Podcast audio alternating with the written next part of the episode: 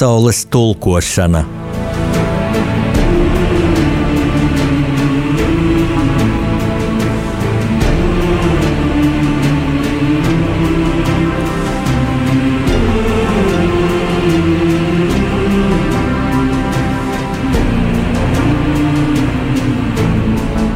Studijā rakstnieks Jānis Udris.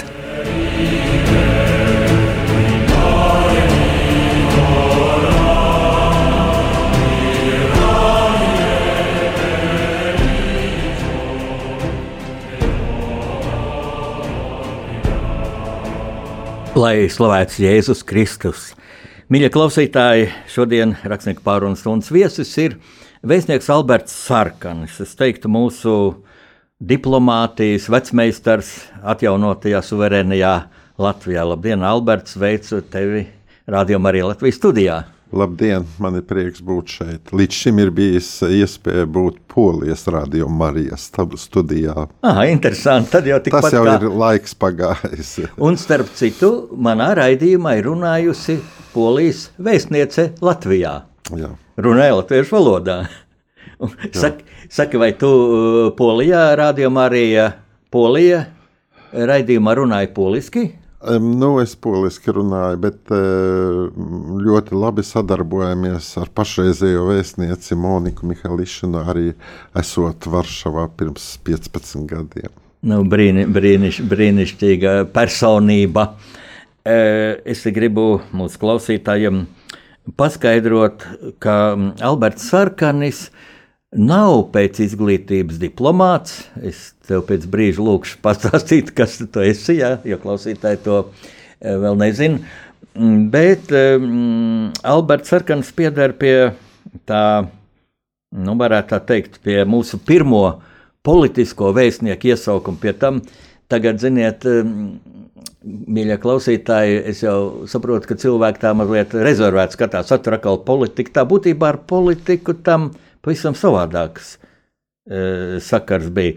Bet, kad Latvija atjaunoja neatkarību 1991. gadā, un pat pirms tam vēl, ja mēs atceramies, ka Jānis Peters Latvijas intereses Maskavā pārstāvēja vēl PSRS vēstniecību pastāvēšanas laikā, ir sarežģīts stāsts, bet arī laikam jāpiemina, jo visu padomju savienības laiku, e, kad Latvija bija okupēta, Maskavā mm, joprojām nu, darbojās tāda iestāde, mūsu bijušās neatkarīgās Latvijas vēstniecības sēkā, kas ir mūsu valsts īpašums. Tāda iestāde, ko sauc Latvijas PSR, tāda okupētās Latvijas ministru padomes pārstāvniecība pie PSRS. Valdības ministru padomus. Ja. Un tas bija, protams, tāds nu, marionēšu iestādījums, nu, cik es zinu, tur okupācijas laikā nu, daudziem dažādu iestāžu vadītājiem, speciālistiem bija jābrauc padomju birokrātijas sakarā kaut kādas atļaujas, kaut kāds projekts saskaņots Maskavā, tad tur bija viesnīca, viņi tur varēja pārgulēt. Tā, es ne, nezinu, ko vēl viņi tur īsti darīja, bet nu, fakts, ka it kā formāli tai ēkai joprojām bija kāda saistība ar okupēto Latviju, tad ar Latviju. Un atmodas laikā kaut kā izdevās ļoti labi par šīs pārstāvniecības vadītāju. Tur vienmēr bija kaut kāds marionešu režīma pārstāvs no formāla, kāda saistība Latvijai. Bet tad mūsu patriotisko dzinieku Jānu Peteru izdevās Latvijai deleģēt par šo vadītāju. Un tad soli pa solim, soli pa solim es atceros, ka Jānis Peters organizēja mūsu sarkanbalts sarkanā karoga iesvētīšanu, iesvētīšanas ceremoniju, uz kuras bija aizbraucis kā žurnālists, gatavoja reportāžu. Un šo karogu iesvētīja mūsu luterāņu mācītājs Juris Rubenis. Brīnišķīga ceremonija, un tad, kad karogs bija iesvētīts, tad mūsu Jānis Peters teica, mūsu karavīrs piestiprinās pie mūsu vēstniecības fasādes. Nu, tas karavīrs bija viens tautas fronts, nu, kārtības sargs, vai tur ir tāds alternatīvais dienests arī bija, jo mēs protestējām pret padomju armiju. Redziet, ļoti sarežģīts laiks, bet, kad Latvija bija oficiāli atgūst neatkarību, vajadzēja taču vēstnieks un tādu mums nebija. Un tad tika meklēti cilvēki ar valodas zināšanām, ar patriotisku stāju, acīm redzot, kas bija parādīta uh, atmodas kustībā. Nu, tagad šo politisko vēstnieku vairāk nav tāda vajadzība, jo 30 gadi ir pagājuši neatkarīgā Latvijā, mums ir izauguši cilvēki pa karjeras kāpnēm, ko atkal sauc par karjeras vēstniekiem, bet tas ļoti labā nozīmē. No padomu laikiem vēl tāds nelabs pieskaņu vārdam karjeras. Es domāju, ja cilvēks godīgi veido karjeru, tas ir tikai apsveicami, ja jauns cilvēks. Nu, lūk, tā tad Alberts Sarkanis, kāda tev, Albert, ir izglītība un kā tu kļuvi par vēstnieku? Es atceros, tavu pirmā akreditācija bija kaimiņu valstī Lietuvā, ļoti svarīgā vietā Latvijai. Jā, es pilnībā piekrītu tam, ka tie bija ļoti sarežģīti laiki, um, kad ir no vienas sistēmas, uh, valstiskās un arī politiskās sistēmas, uh, Latvija pārgāja uz citu. Ne jau pārgāja, bet īstenībā izcīnīja šo pāriešanu. Un es uh, ar lielu cieņu izturos pret tiem patriotiskajiem cilvēkiem, kas jūs minējat, Jānis Peters. Mm un daudzi, daudzi citi, kas spēja izturēt un nesalūst un izvest šo, šo ceļu, šo parādīt gaismu uz, uz Latvijas neatkarības atjaunošanu. Kas attiecas par mani, protams, īstais neesmu politiskais vēstnieks, ja nu vienīgi uh, darbošanās 80. Ehm, gadu beigās Tautas frontē, jo es pats neesmu bijis ehm, partijā. Teiksim, man ir 80. gados diezgan. Nevienā no tagad daudzajām partijām. Arī nevienā no daudzajām partijām. Tautas fronte bija tautas kustība. Tautas jā. kustībā, un es nu, biju Zinātņu akadēmijā, toreiz strādāju un biju aspirants, mazliet aktīvs. Uh, Bet 80. gados īstenībā es biju arī tāds um, um, varbūt sarežģīts. Uh, sistēma. Es nebiju uh, cīnītājs vai disidents, un tādā pašā laikā uh, bija vairāki gadījumi. Pirmais, piemēram, 84. gadā, kad bija ļoti liela iespēja, ka man neļaus pabeigt universitāti, un uh, tas bija diploma darba aizstāvēšanā, kad uh, izcēlās skandāls un teica, ka tāds padomju students nedrīkst saņemt diplomu. Kādēļ?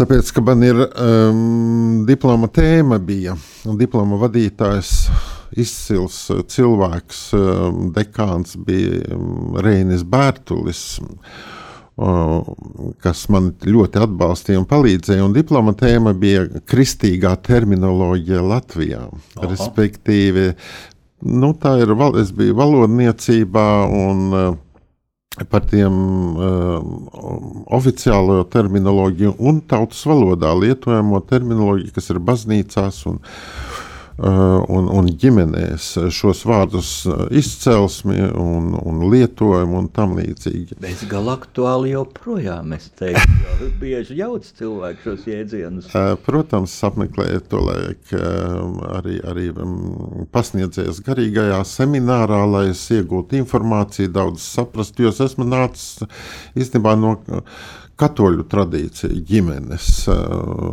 gan no tēva, gan no mātes puses. Un, un man baznīca ir bijusi šī zināma, pazīstama, un, un man tas interesē. Galu galā, ja plašāk jau tajā laikā, kā studentam, es baznīcu redzēju ne tikai kā reliģijas institūciju, bet arī Tā ir eh, mūsu tautas, mūsu zemes tāda ļoti sena jau mm, kultūra, vēsturiska vērtība un tradīcija. Varbūt neaizdomājos par tām politiskajām, dziļākajām konsekvencēm, bet tāda sajūta, tā intuitīvi, ka baznīca ir bijusi, kas uh, atbalstīja uh, cilvēka brīvību, tādu personisko brīvību, kad nav žņaugs no ārpuses. Un uz baznīcas nevienu jau uh, nebija tas piespiedu kārtā, tā bija tā brīvā izvēle. Varbūt tas viss motivē. Protams, man interesē valodniecība. Es iemācījos mācījos lietuviešu valodu. Par katru niansu ir, eh, protams, garš stāsts, kas un kāpēc tas bija. Bet um, nu, lietuviešu valoda, tāpat kā angļu un vācu valoda, teiksim, ir valodniekiem tas bija ļoti svarīgi.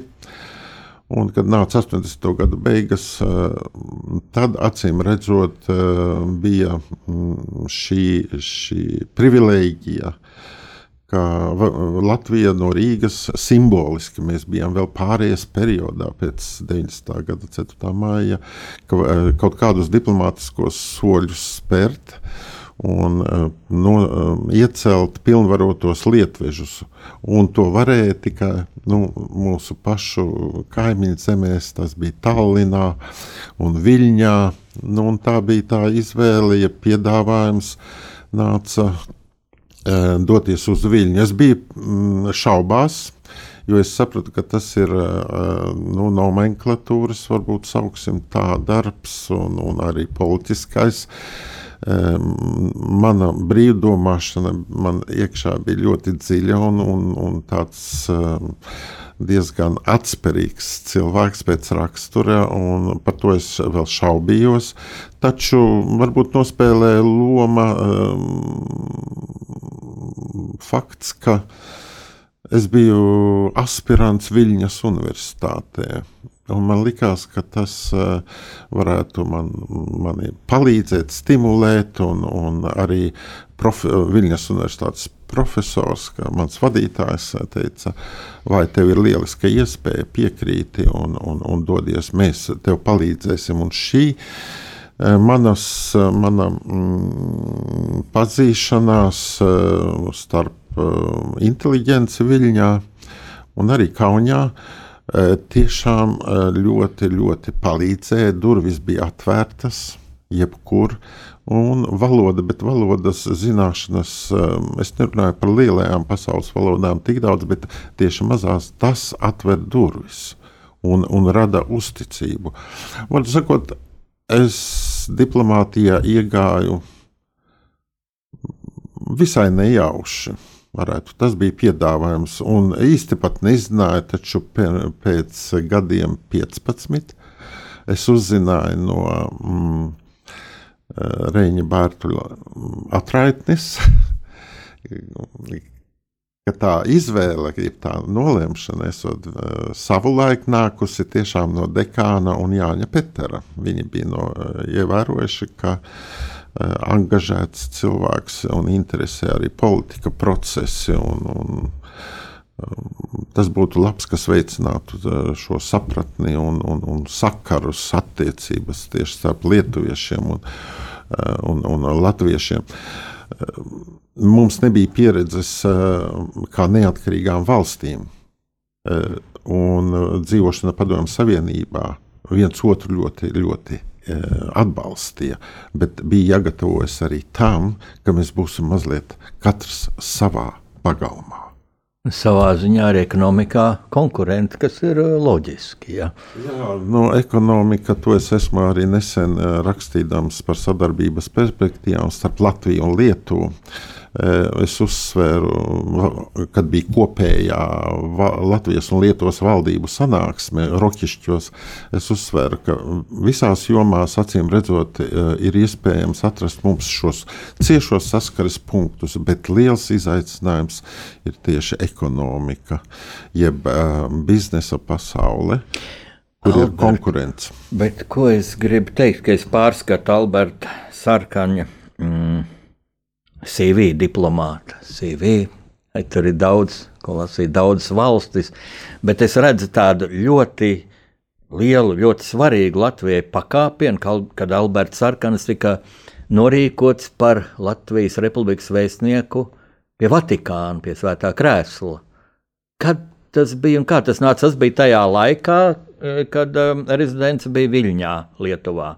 Nē, es Viļņā strādāju sešus gadus, un es, es kaut kur atradu interviju. Izrādās, ka 90. gada sākumā, jau esot vēstnieks, bija jautāts, ko es darīšu pēc perioda Viļņā. Un, un tā kā es esmu, nāku no laukiem, mums ir bijusi saimniecība pirms kara, tad es teicu, acīm redzot, es atgriezīšos eh, savā saimniecībā. Oh. Arī tāda. Bet... Nu jau vaļā nelaida ministrija labu speciālistu. nu, tā, tas bija romantisms. Mums šī tradīcija varbūt eh, saimnieciskā un dzimtās mājas bija ļoti stipra. Viņa tika arī padomu laikā nodotas ziņas un tāds iekšējais lepnums par to. Tas nenotika. Es pēc viņas atgriezos Rīgā, un tad vēl bija periods, darbs, nu, rotācijas. Tas ir ārlietu dienestā ļoti ierasta lieta, un, un es strādāju Rīgā. Kā valsts sekretāra vietnieks, un, un, un arī citi pienākumi bija. Pēc tam es biju vienu periodu Somijā, un pēc Somijas es mācījos Ženēvā, starptautiskās attiecības. Tā bija pirmā reize, kad bija profesionālā, vienu gadu profesionālu izglītību tieši nu, diplomātijā, starptautiskajās attiecībās. Pēc tam es biju Rīgā un ģenerāla inspektors Varbūt arī šī atspērīgā rakstura un neatkarības dēļ tā ministrijas vadība uzskatīja, ka varbūt inspektora darbā eh, būtu vieglāk eh, cilvēks, kurš nav sasaistīts, angažēts, un ka viņš savu viedokli var eh, brīvāk paust vai uzdrošinās brīvāk paust un formulēt. Un tad, tad ārlietu ministri teica, ka būtu šajā diezgan tādā nervozajā darbā, e, kāds gandarījums. Un ņemot vērā, gan es poļu valodu jau toreiz arī pratu, daudz maz, un, un tad viņa teica, ka e, būtu labi kaut kādu gandarījumu, tādu garīgo gandarījumu darbā, arī ierēdniecības darbā, kas tevi ceļ. Un uh, piedāvājums bija šis Vatikāns, jeb svētais krēsls. Uh, protams, uh, iekšēji tas, tas, tas bija man tik milzīgs gandarījums. Es nešauboties to ņēmu. Un blakus svētajam krēslam, protams, nu, varētu teikt, tā automātiski ir arī nerezidējošais vēstnieks neatkarīgajā Maltas ordenī. Tas ir atkal cita Mm, valstiski nevalstiska mm, struktūra pasaulē. Kā notika akreditācija Vatikānā? Es redzēju fotogrāfijas, nu, es teikšu, tur acis žilps no šiem šveiciešu gvardiem un šīs ceremonijas. Viss. Mm, tas bezgalīgi skaists posms bija diplomāta dzīvē. Kaut rezidence nebija Vatikānā, nebija Romā arī. Jā, es, eh, es strādāju Rīgā 2003. gadā, akreditējos. Un tad e, bieži bija lidojumi uz Romu un uz nu, Vatikānu. Jā, div, trīs, divas, trīs reizes gadā, bet eh, pati akreditācija. Uh, bija ļoti interesanta, taču darbs, jeb daži soļi pirms tam. Un es teiktu, ka diplomātijā uh, tas ir svarīgi un konkrētajā gadījumā ar um, Vatikānu. Diplomātai jābūt pietiekami komunikablam, ir jāuztver lietas pat komunikācijā, jeb saziņā lietas ļoti ātri, ir jābūt atbrīvotam tu nevari būt introverts. Um, introverts varbūt tas ir uz analītisko uh, darbu vērstas personas, bet diplomātijai tomēr ir jābūt šie, šai atvērtībai, šai komunikācijai. Un tas palīdzēja, tāpēc, ka es nebiju Romā bijis pirms tam tādās darba darīšanās, izņemot kā ģenerāla inspektors Latvijas vēstniecībā Romā. Uh, Un, lai es aizietu uz Vatikānu, man vienmēr ir paticis darīt visu pašam. Uh, pašam tikt cauri, pašam izprast, uh, jebkurā jomā.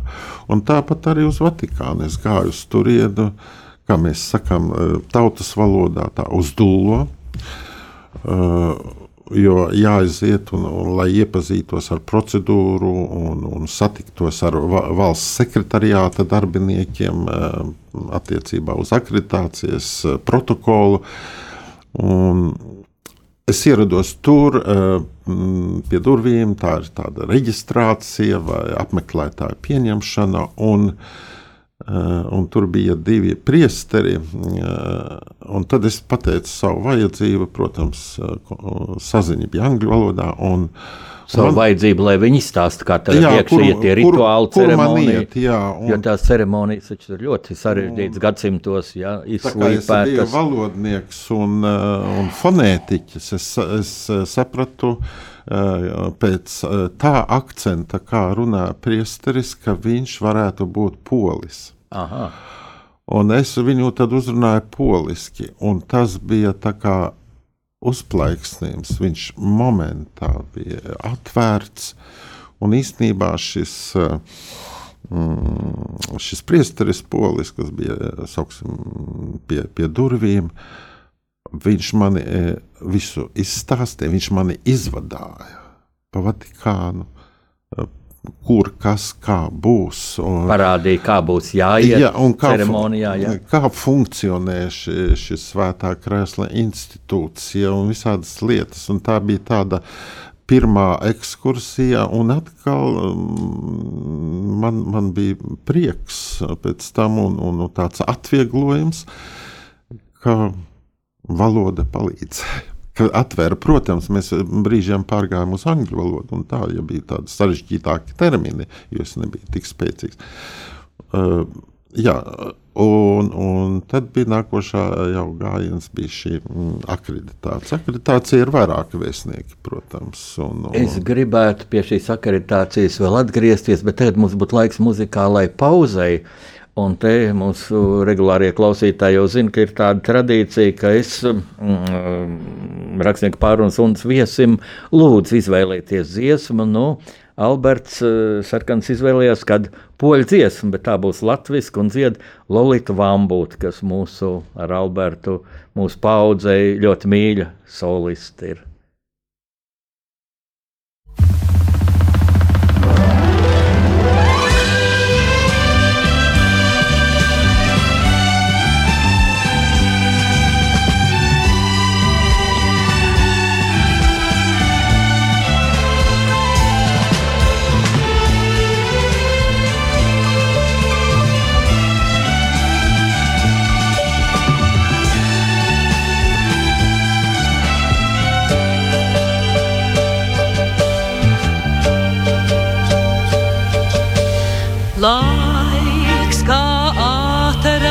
Steidzās, sapnis no sirmo un gaist. Jauns ir tas, kas mūžām neizbeidzās, kas vienmēr ap mums ir skaists.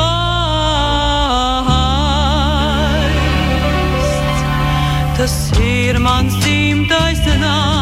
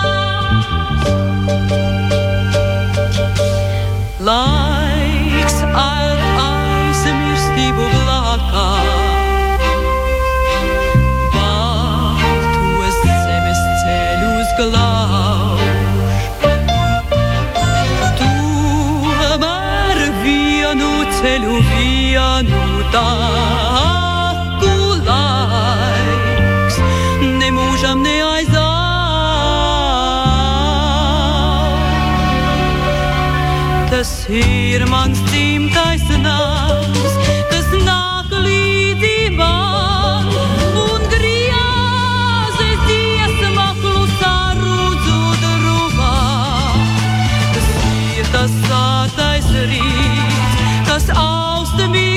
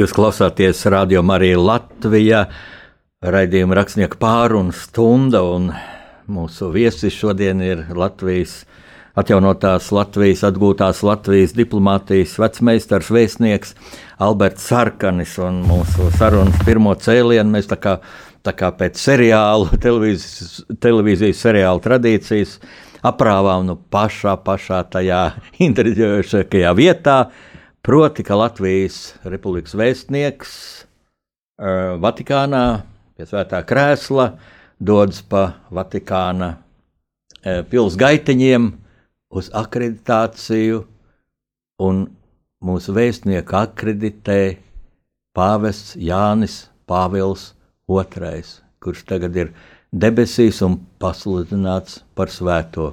Un es nevaru par šo cilvēku mierīgi runāt, bez asarām acīs, bet kā tas bija vēstniekam redzēt viņu, noskūpstīt viņam roku, vai tas bija paredzēts diplomātiskajā protokolā, ja katoļu vēstnieks nāk acīm redzot. Tā ir brīvība. To, nu, va, to var darīt, un jā, var arī nedarīt, ja neesmu, piemēram, bet katoļiem tā ir tradīcija neapšaubāmi. Interesanti, ka um, akreditācijā Jāni Pāvilu otro satikt, tā nebija mana pirmā reize. Uh, Jā. Jā, jo pirms desmit gadiem, 1993. gadā, kad Jānis Pāvils II apmeklēja Baltijas valstis, es toreiz biju vēstnieks eh, Lietuvā, un, protams, diplomātiskais korpus piedalījās eh, šajos protokoliskajos pasākumos, eh, lidostā, nunciatūrā, un bija iespēja satikt Jāni Pāvilu II. Viņš bija vēl stiprāks un, un tāds ļoti atvērts un draudzīgs pret Baltijas valstīm. Un lidostā es, es ļoti labi atminu, kad viņš sasveicinās, jo mums um, jāpasaka pieklājības frāzes. Un tā, tā, tas viņam bija raksturīgs arī vēlāk. Viņš ļoti skatās cilvēkiem acīs, ar, ar sirsnību, it kā tevi gribēdams apsveicināt un saprast. Un, uh, lidostā es eh, pateicu arī poļu valodā, jo viņš būdams tomēr no Krakovas. Un tad bija tāda pauze, pāris sekundes, tāds apmulsums. Viņš ieskatījās acīs un teica, ah, jūs esat latvietis no Latgales. Un tas mani mazliet eh, pārsteidza, varbūt ļoti pārsteidza, cik tālu eh, īstenībā Vatikānā šī informācija diplomātiskā informācija ir uh, sasniegusi arī vadītājs. Kā viņš varēja zināt, tātad viņš bija brīfēts, viņam bija teikts, kas ir diplomātiskajā korpusā, jo citādi to uh, tomēr. Uh, diez vai tā varētu zināt. Akreditācijā mm, tā ir Vatikānā bija, protams, ļoti strikts protokols, valsts prezidentes eh, akreditācijas vēstule, ko, ko man nācās pasniegt eh, pāvestam. Vienlaikus ir no vairākām valstīm tā ir tradīcija, ka ir 10, 15 vēstnieki, teiksim, jo akreditācijas notiek divreiz gadā. Manā laikā jau, diemžēl, diemžēl Jānis Pāvils II bija ļoti savārdzis un uh, plaša komunikācija vairs uh, nesanāca. Viņš laipniem vārdiem uh, apsveicinās un nodod sveicienus attiecīgi. Uh, nu, manā gadījumā tas bija latviešiem, Latvijas tautai. Uh, bet tā sirsnība un, un arī um, valsts sekretariāta uh, ierēģņu uh, teiksim, bet nu, tie ir eh, arhibīskapi un, un monsignori. Viņu atvērtība un palīdzība ir, ir apbrīnojama. Eh, tur nav, nav jābaidās kļūdīties. Tev neviens to nepārmetīs. Tieši otrādi tev palīdzēs. To es esmu pieredzējis arī vēlākā laikā. Un eh, šis pompozums, teiksim, nu viņš tā varbūt no malas skatoties, iekšienē es to nemaz nesajūtu. Un, un varbūt tāpēc, ka jau um, braucot uh, nu, tur ar liftu, jābrauc uz augšu un tā, uh, uz tām zālēm, uh, tur ir šveices gvardi. Un, uh, Senlaicīgajās formās. Senās formās, un Bruņi, tas bija vēl viens bruņās. pārsteigums, kas tevi pilnīgi atbrīvo, kad mēs uzbraucam ar liftu, atveras durvis, tur atkal ir uh, plašajā foajē ir šveices gvardi. Un, uh, un viens no viņiem uh, tieši pretī mm, saka, Vēstnieka kungs, patīkami jūs redzēt Vatikānā. Latvijasiski? Un viņš to teica latviešu, un at, tad bija apmulsums. Hmm. Uh, Es nezinu, vai citos gadījumos to dara uh, arī ar citu valstu vēstniekiem, kad ir iemācās, bet šis bija konkrēts gadījums, kad viņš bija vienu gadu Um, ceļojis gan uz Latviju, gan uz Lietuvu, Kaunijā. Viņš bija gan lietuviešu, gan latviešu uh, valodu mācījies. Viņam bija draugi. Viņš uh, bija iemācījies pietiekami jau pat runāt. Bet tas, šis, uh, kad tu uzbrauc svešā vietā un, un tevi pat šveices gvards uzrunā tavā dzimtajā valodā, tas ļoti atbrīvo, protams. Uh, Un tu viņam saki, vai es esmu tā mazliet satraucies. Mierīgi, mierīgi. Uh, es tā klausos. Alberta, man nāk prātā teiciens, atmiņas tā ir paradīze, no kuras mums neviens nevar izdzīt. Ja? Bet dzīve iet tādu ļoti nervozu gaitu šobrīd, un kā tas korelējas ar vēstnieku pieredzi? Lūk, mm, Alberts Sarkans bija vēstnieks Čehijā. Es domāju, labas atmiņas no šīs draudzīgās valsts, un pašlaik milzīgs sācinājums ir Čehijas un Krievijas attiecībās. Pie tam nu, tāds, manuprāt, es neesmu diplomāts, bet tāds ļoti nekorekts žests no Krievijas puses, jo Čehija izra izraidīja no savas valsts 18 Krievijas, nu, laikam, precīzi būtu teikt, uh, izlūks, izlūkdienas cilvēks, varbūt pat diversants. Ja? Tur sakarā to sprādzienu, kas notika pirms, pirms gadiem, eh, kad radās pierādījumi. 18 cilvēkus Krievija izraidīja 20. Un atkal, cik es zinu, tad parasti tā eh, to paziņo, šo izraidīšanu paziņo tādā formā, ka nu, 20, tas ir divu dienu laikā lūdzu šos cilvēkus atstāt valsti. Krievija deva 24 stundas. Ja?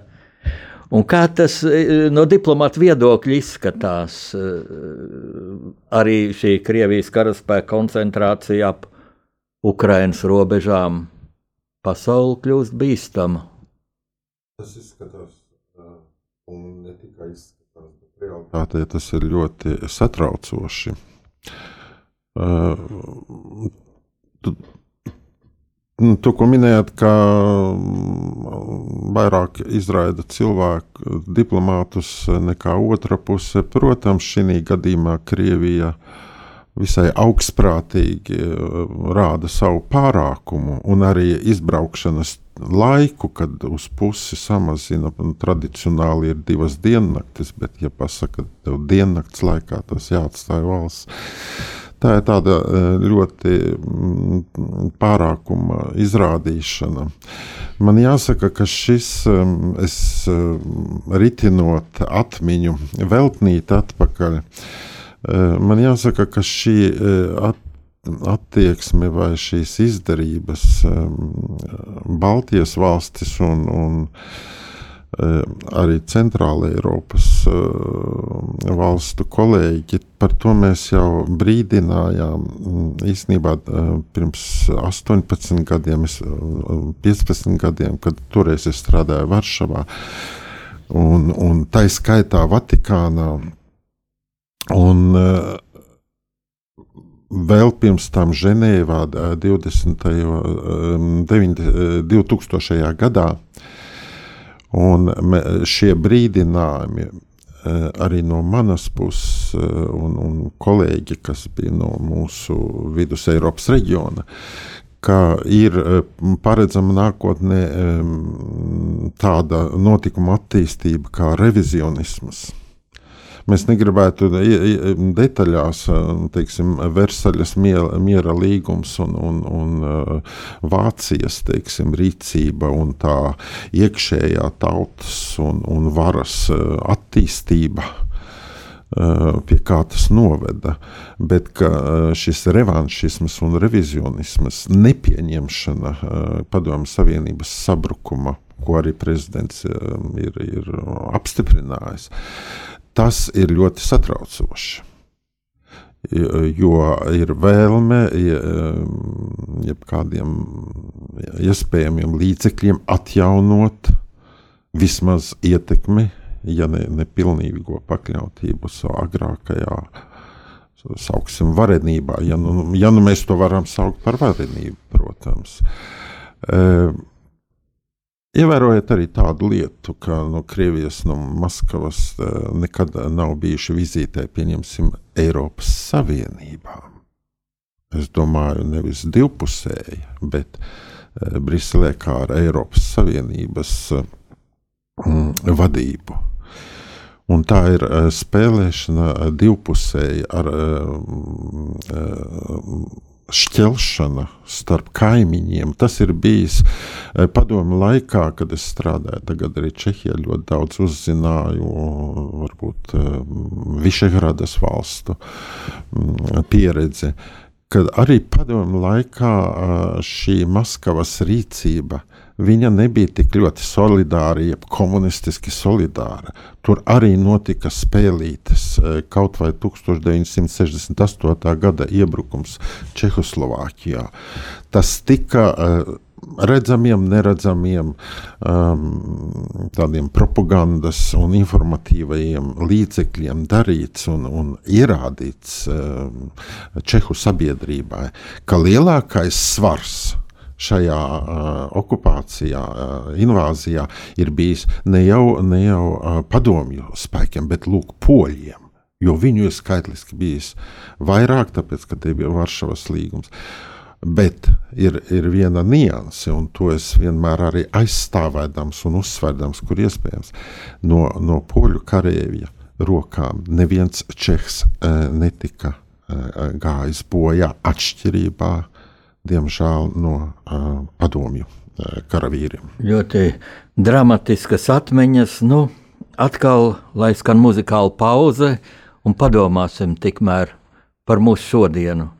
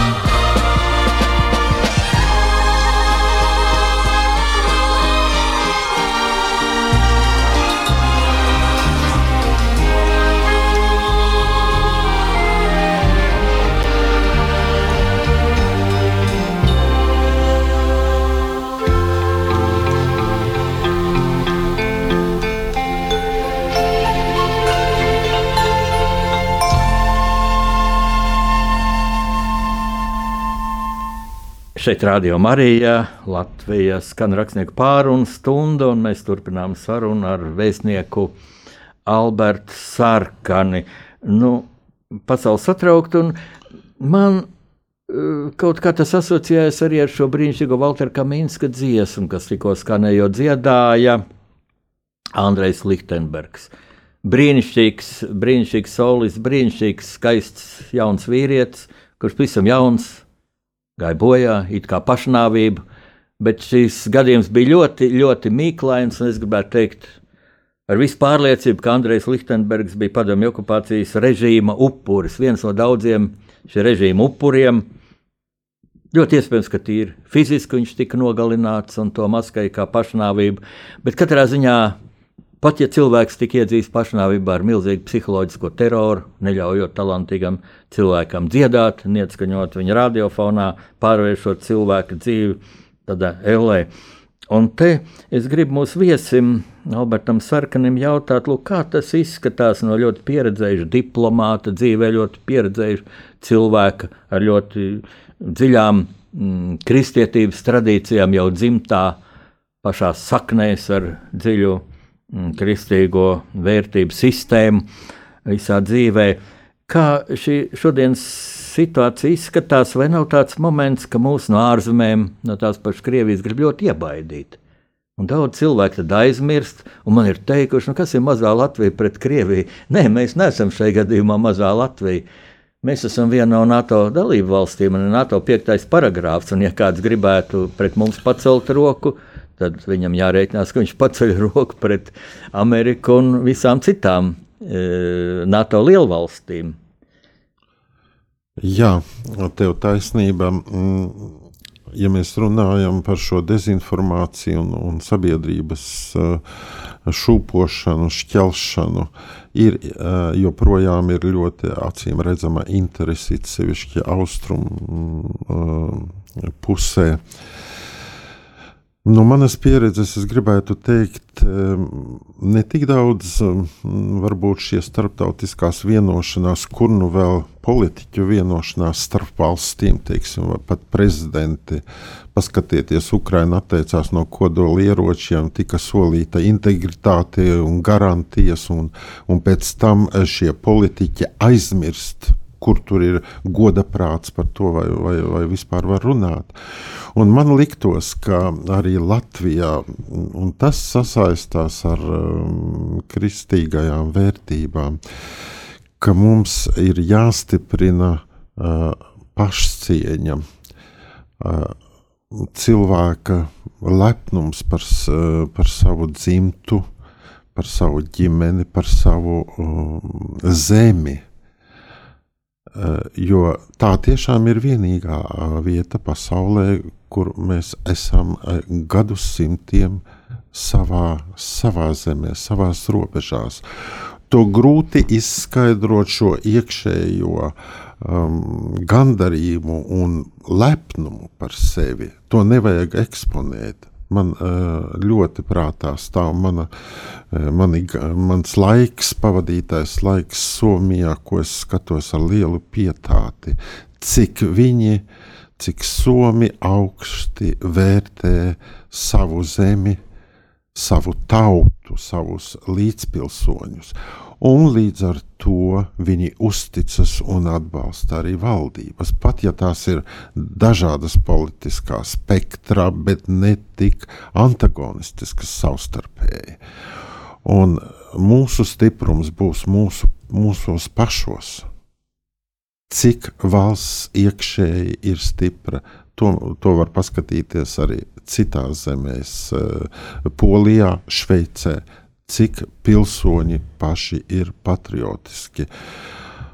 Viegli teikt, bet tas ir uh, katras ģimenes, katra cilvēka, manuprāt, tāds uzdevums un sūtība, ja reiz mēs esam šeit pie Baltijas jūras, savā zemē. Jā, mīļo brāli, Alberti, tu tā svinīgi runāji, un man prasās tā teikt, jo tas ir tas, ko es jūtu. Mēs esam um, brāļi kristi, kristietībā un brāļi patriotismā pret Latviju. Vai tev nav sāpīgi vērot to sabiedrības šķelšanu, kas tagad ir vakcinācijas sakarā. Man bieži vien liekas triviāli, ka joprojām tiek pat tādi dīvaini, kas apgalvo, ka nesot vispār nekāds koronavīrus, nekāda epidēmija, tā esot kaut kāda globāla sazvērestība, kaut kas tam līdzīgs. Tas ir kā šveikā. Nu, trakomājā, ja viens apgalvoja, ka zemeslode iekšpusē esot viena cita lode, kas ir lielāka par to zemeslodi. Ja? Nu, kaut kas tādā līmenī, bet tas tiek darīts bieži vien ļoti profesionāli, ļoti gludi. Var just, ka tur apakšā ir arī nauda, viltīgi profesionāļu prāti, psiholoģisko provokāciju, profesionāļu prāti. Un ko mēs varam likt pretī? Nu, arī šo raidījumu, bet kāds ir tavs skatījums? Diplomāts ir daudz pieredzējis šeit, lūdzu. Tava analīze ir vietā. Tā šī pandēmijas periods ir tiešām ļoti sarežģīts un, un daudzplākšņains. Es per, no personīgās pieredzes un, un, un dzīves varu teikt, ka es nekad īsti nepaļaujos vienam informācijas avotam, lai, lai kaut ko saprastu, kas pasaulē vai tuvākā, tālākā apkārtnē, tad man tie jābūt pieciem, sešiem avotiem un nopietniem, nevis sociālo tīklu um, ar pseidonīmiem vai, vai botiem vai troļļu rakstītās informācijas. Tas mani neskar. Es personīgi esmu ļoti noturīgs pret to. Par dezinformāciju tas ir uh, cilvēki, mēs dzīvojam brīvā uh, sabiedrībā, ir tiesības paust viedokli. Taču uh, ir jābūt ļoti skaidriem nosacījumiem, cik tavs viedoklis tiek. Cik tavs viedoklis ietekmē visu sabiedrību. Nevar būt, ka absolūta maza minoritāte sāk diktēt noteikumus absolūtajai majoritātei un sabiedrības intereses Um, tas ir primārais, un, un pateikt, ka tas nav, uh, nu, ka nepastāv uh, koronavīrus. Uh, mums, mums uh, ir zināmi šie arī um, rados un, un draugos, ir uh, personas, kas ir slimojušas. Un noliegt to, ne, tas ir ļoti grēcīgi. Kā, kā kurš cilvēks rīkosies? tā ir brīva izvēle. Paldies Dievam, mums ir šī iespēja.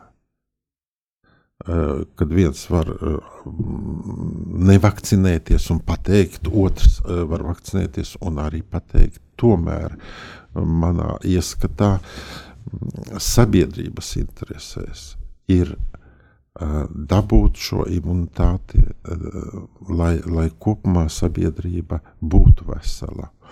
Un nav, nu, līdz šim brīdim tādu pierādījumu, ka vakcinācija un vakcīnas ir uh, ārkārtīgi bīstamas. Tie atsevišķie gadījumi, par kuriem, kā mēs sakām, zinātnieki vēl joprojām strīdās.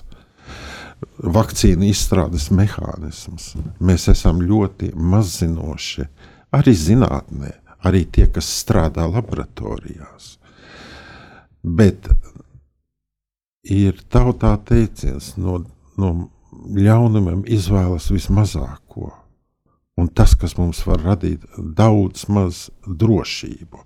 Un, un, un tā iemesla dēļ es domāju, ka ir jāatbalsta šī uh, mediķu pūles sasniegt uh, imu, uh, tādu imunitātes stāvokli pret, uh, pret vīrusu, lai sabiedrība uh, masveidīgi neslimotu. Galu galā vakcīnas eh, arī personīgi savā dzīvē ir bijušas tik ļoti dažādas, saņemtas gan tuberkulozes, gan masaliņas, un, un gripas, un ērces un tam līdzīgi. Es atceros, un es kāpēc... mācījos pamatskolā, bija bērnu trieka, ba, un man kaimiņo, kaimiņu mājas zēns saslima.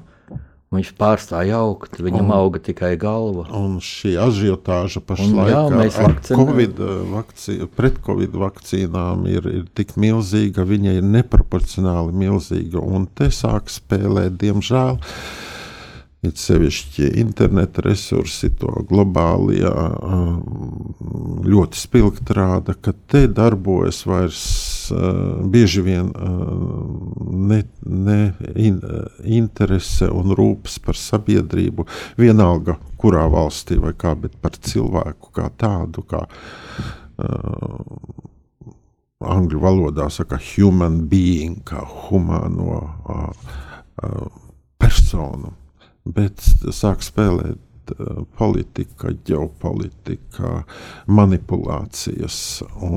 Tas ir tiešā mm, runā, varētu teikt, mm, tas ir ļauni. Tā ir vēlēšana, slikta vēlēšana. Tā ir kalpošana tumsai. Jā, un uh, pašam, pašam jāizlemj, kā, kā rīkosies, bet šo uh, negatīvo, nepārliecināto, jo tie cilvēki, kas viņi paši nav zinātnieki, viņi nestrādā laboratorijās, un, un, bet viņi izplata informāciju. Es dzirdēju, man liekas, Es strādājot joprojām daudz interneta resursos, es ikdienas um, uztveru dažādas informācijas, kur tiek sagrozīts momentā. Ja. Un, ja tu to nepārbaudi, un, un, un, vai vienkārši uh, uztver ar lielu rezervētību, ar, ar šaubām, vai tas, ko tu lasi, vai tas, ko tu dzirdi, uh, tiešām ir tā.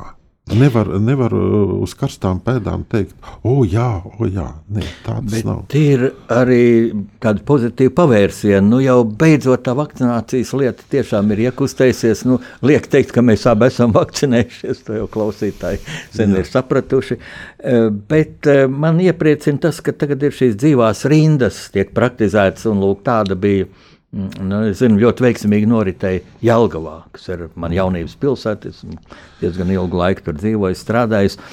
Man uh, viena Jālgaunieca atrakstīja, mm, jā, gara rinda, stāvam pat uz ielas, bet viss raiti kustās.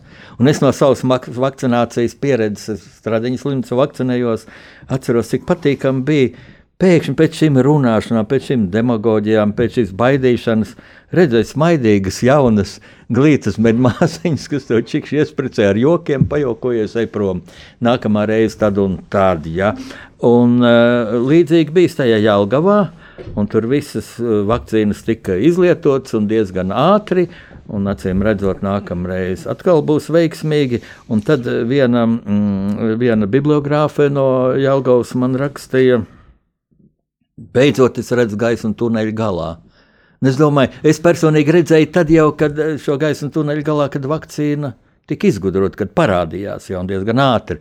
Bet nu, nebija gaidījis šo milzīgo pretdarbību un šo milzīgo faktiski cilvēku apjukumu un arī tumsonību. Ja? Tumsonība, ja no miljona viens, ja no miljona viens trombozes gadījums, tas ir daudz mazāk iespēja nekā ja nokritīs ar lidmašīnu vai tev ķieģels uz galvas uzkritīs. Cilvēki neprot domāt. Es piekrītu tikai, mm, kā minēju, es esmu bijis ilgi valsts pārvaldē, man ir, eh, ir skumja, ka pagājušā gada Eh, teiksim, organizācija, kā bija mm, gan ar eh, vakcinēšanas procesu, ar vakcinācijas iepirkumiem, un vēl eh, absurdākie arī šajā publisko vietu, ja veikalu apmeklējumu ar tām lentām, uz dažām lietām ir lenta, uz dažām nav. Visa. Mm. Tas ir šis haoss, šī nesapratne. Ir, mm, nu, es pat teiktu, nepiedodami, tāpēc ka tas radīja uh, cilvēkos apjukumu, dusmas. Un, ja es, es minēju par šo lepnumu un, un patriotismu, tad tas uh, spēlēja tieši pretējā virzienā nu, - neapmierinātība ar valsti. Nu, bet var just, ka tagad nu, arvien mazāk šo muļķību ir lēmumi, ir tomēr arvien izsvērtāki. Vai, mm. vai tāds ir nu, mans iespējas, vai es kļūdos? Jā, tagad tiešām ir liekas labākā virzienā. Nu, tagad galvenā problēma, protams, ir vakcīnu pieejamība. Nu, tad ar to arī beigsim ar tādu optimistisku nākotnes redzējumu, jo priekšā ir vasara, vasara arī ļoti daudz latviešu, kam vien ir iespējams aizbraukt uz laukiem. Mēs būsim jau automātiski nu, izretināti. Jā, paldies jums. Tas viss būs arvien labāk. Mīļš, paldies. Tātad uh, rakstnieku pārunas un viesis bija vēstnieks Alberts Sārkanis, mūsu atgūtās Latvijas diplomātijas veterāns, celmlaus un gluži vienkārši labs un gudrs cilvēks. Lai Dievs tevi sveitī un sargā Albertu. Paldies, lai jums labi klājas.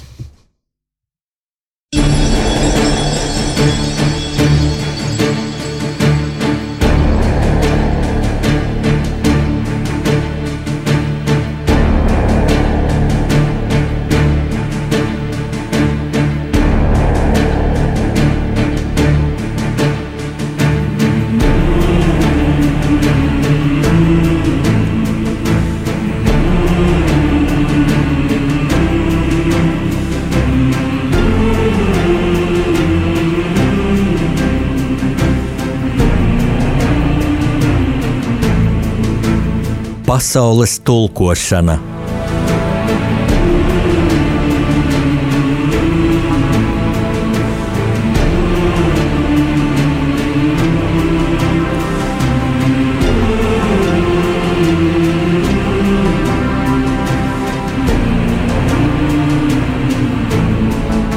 Studijā rakstnieks Jānis Udris.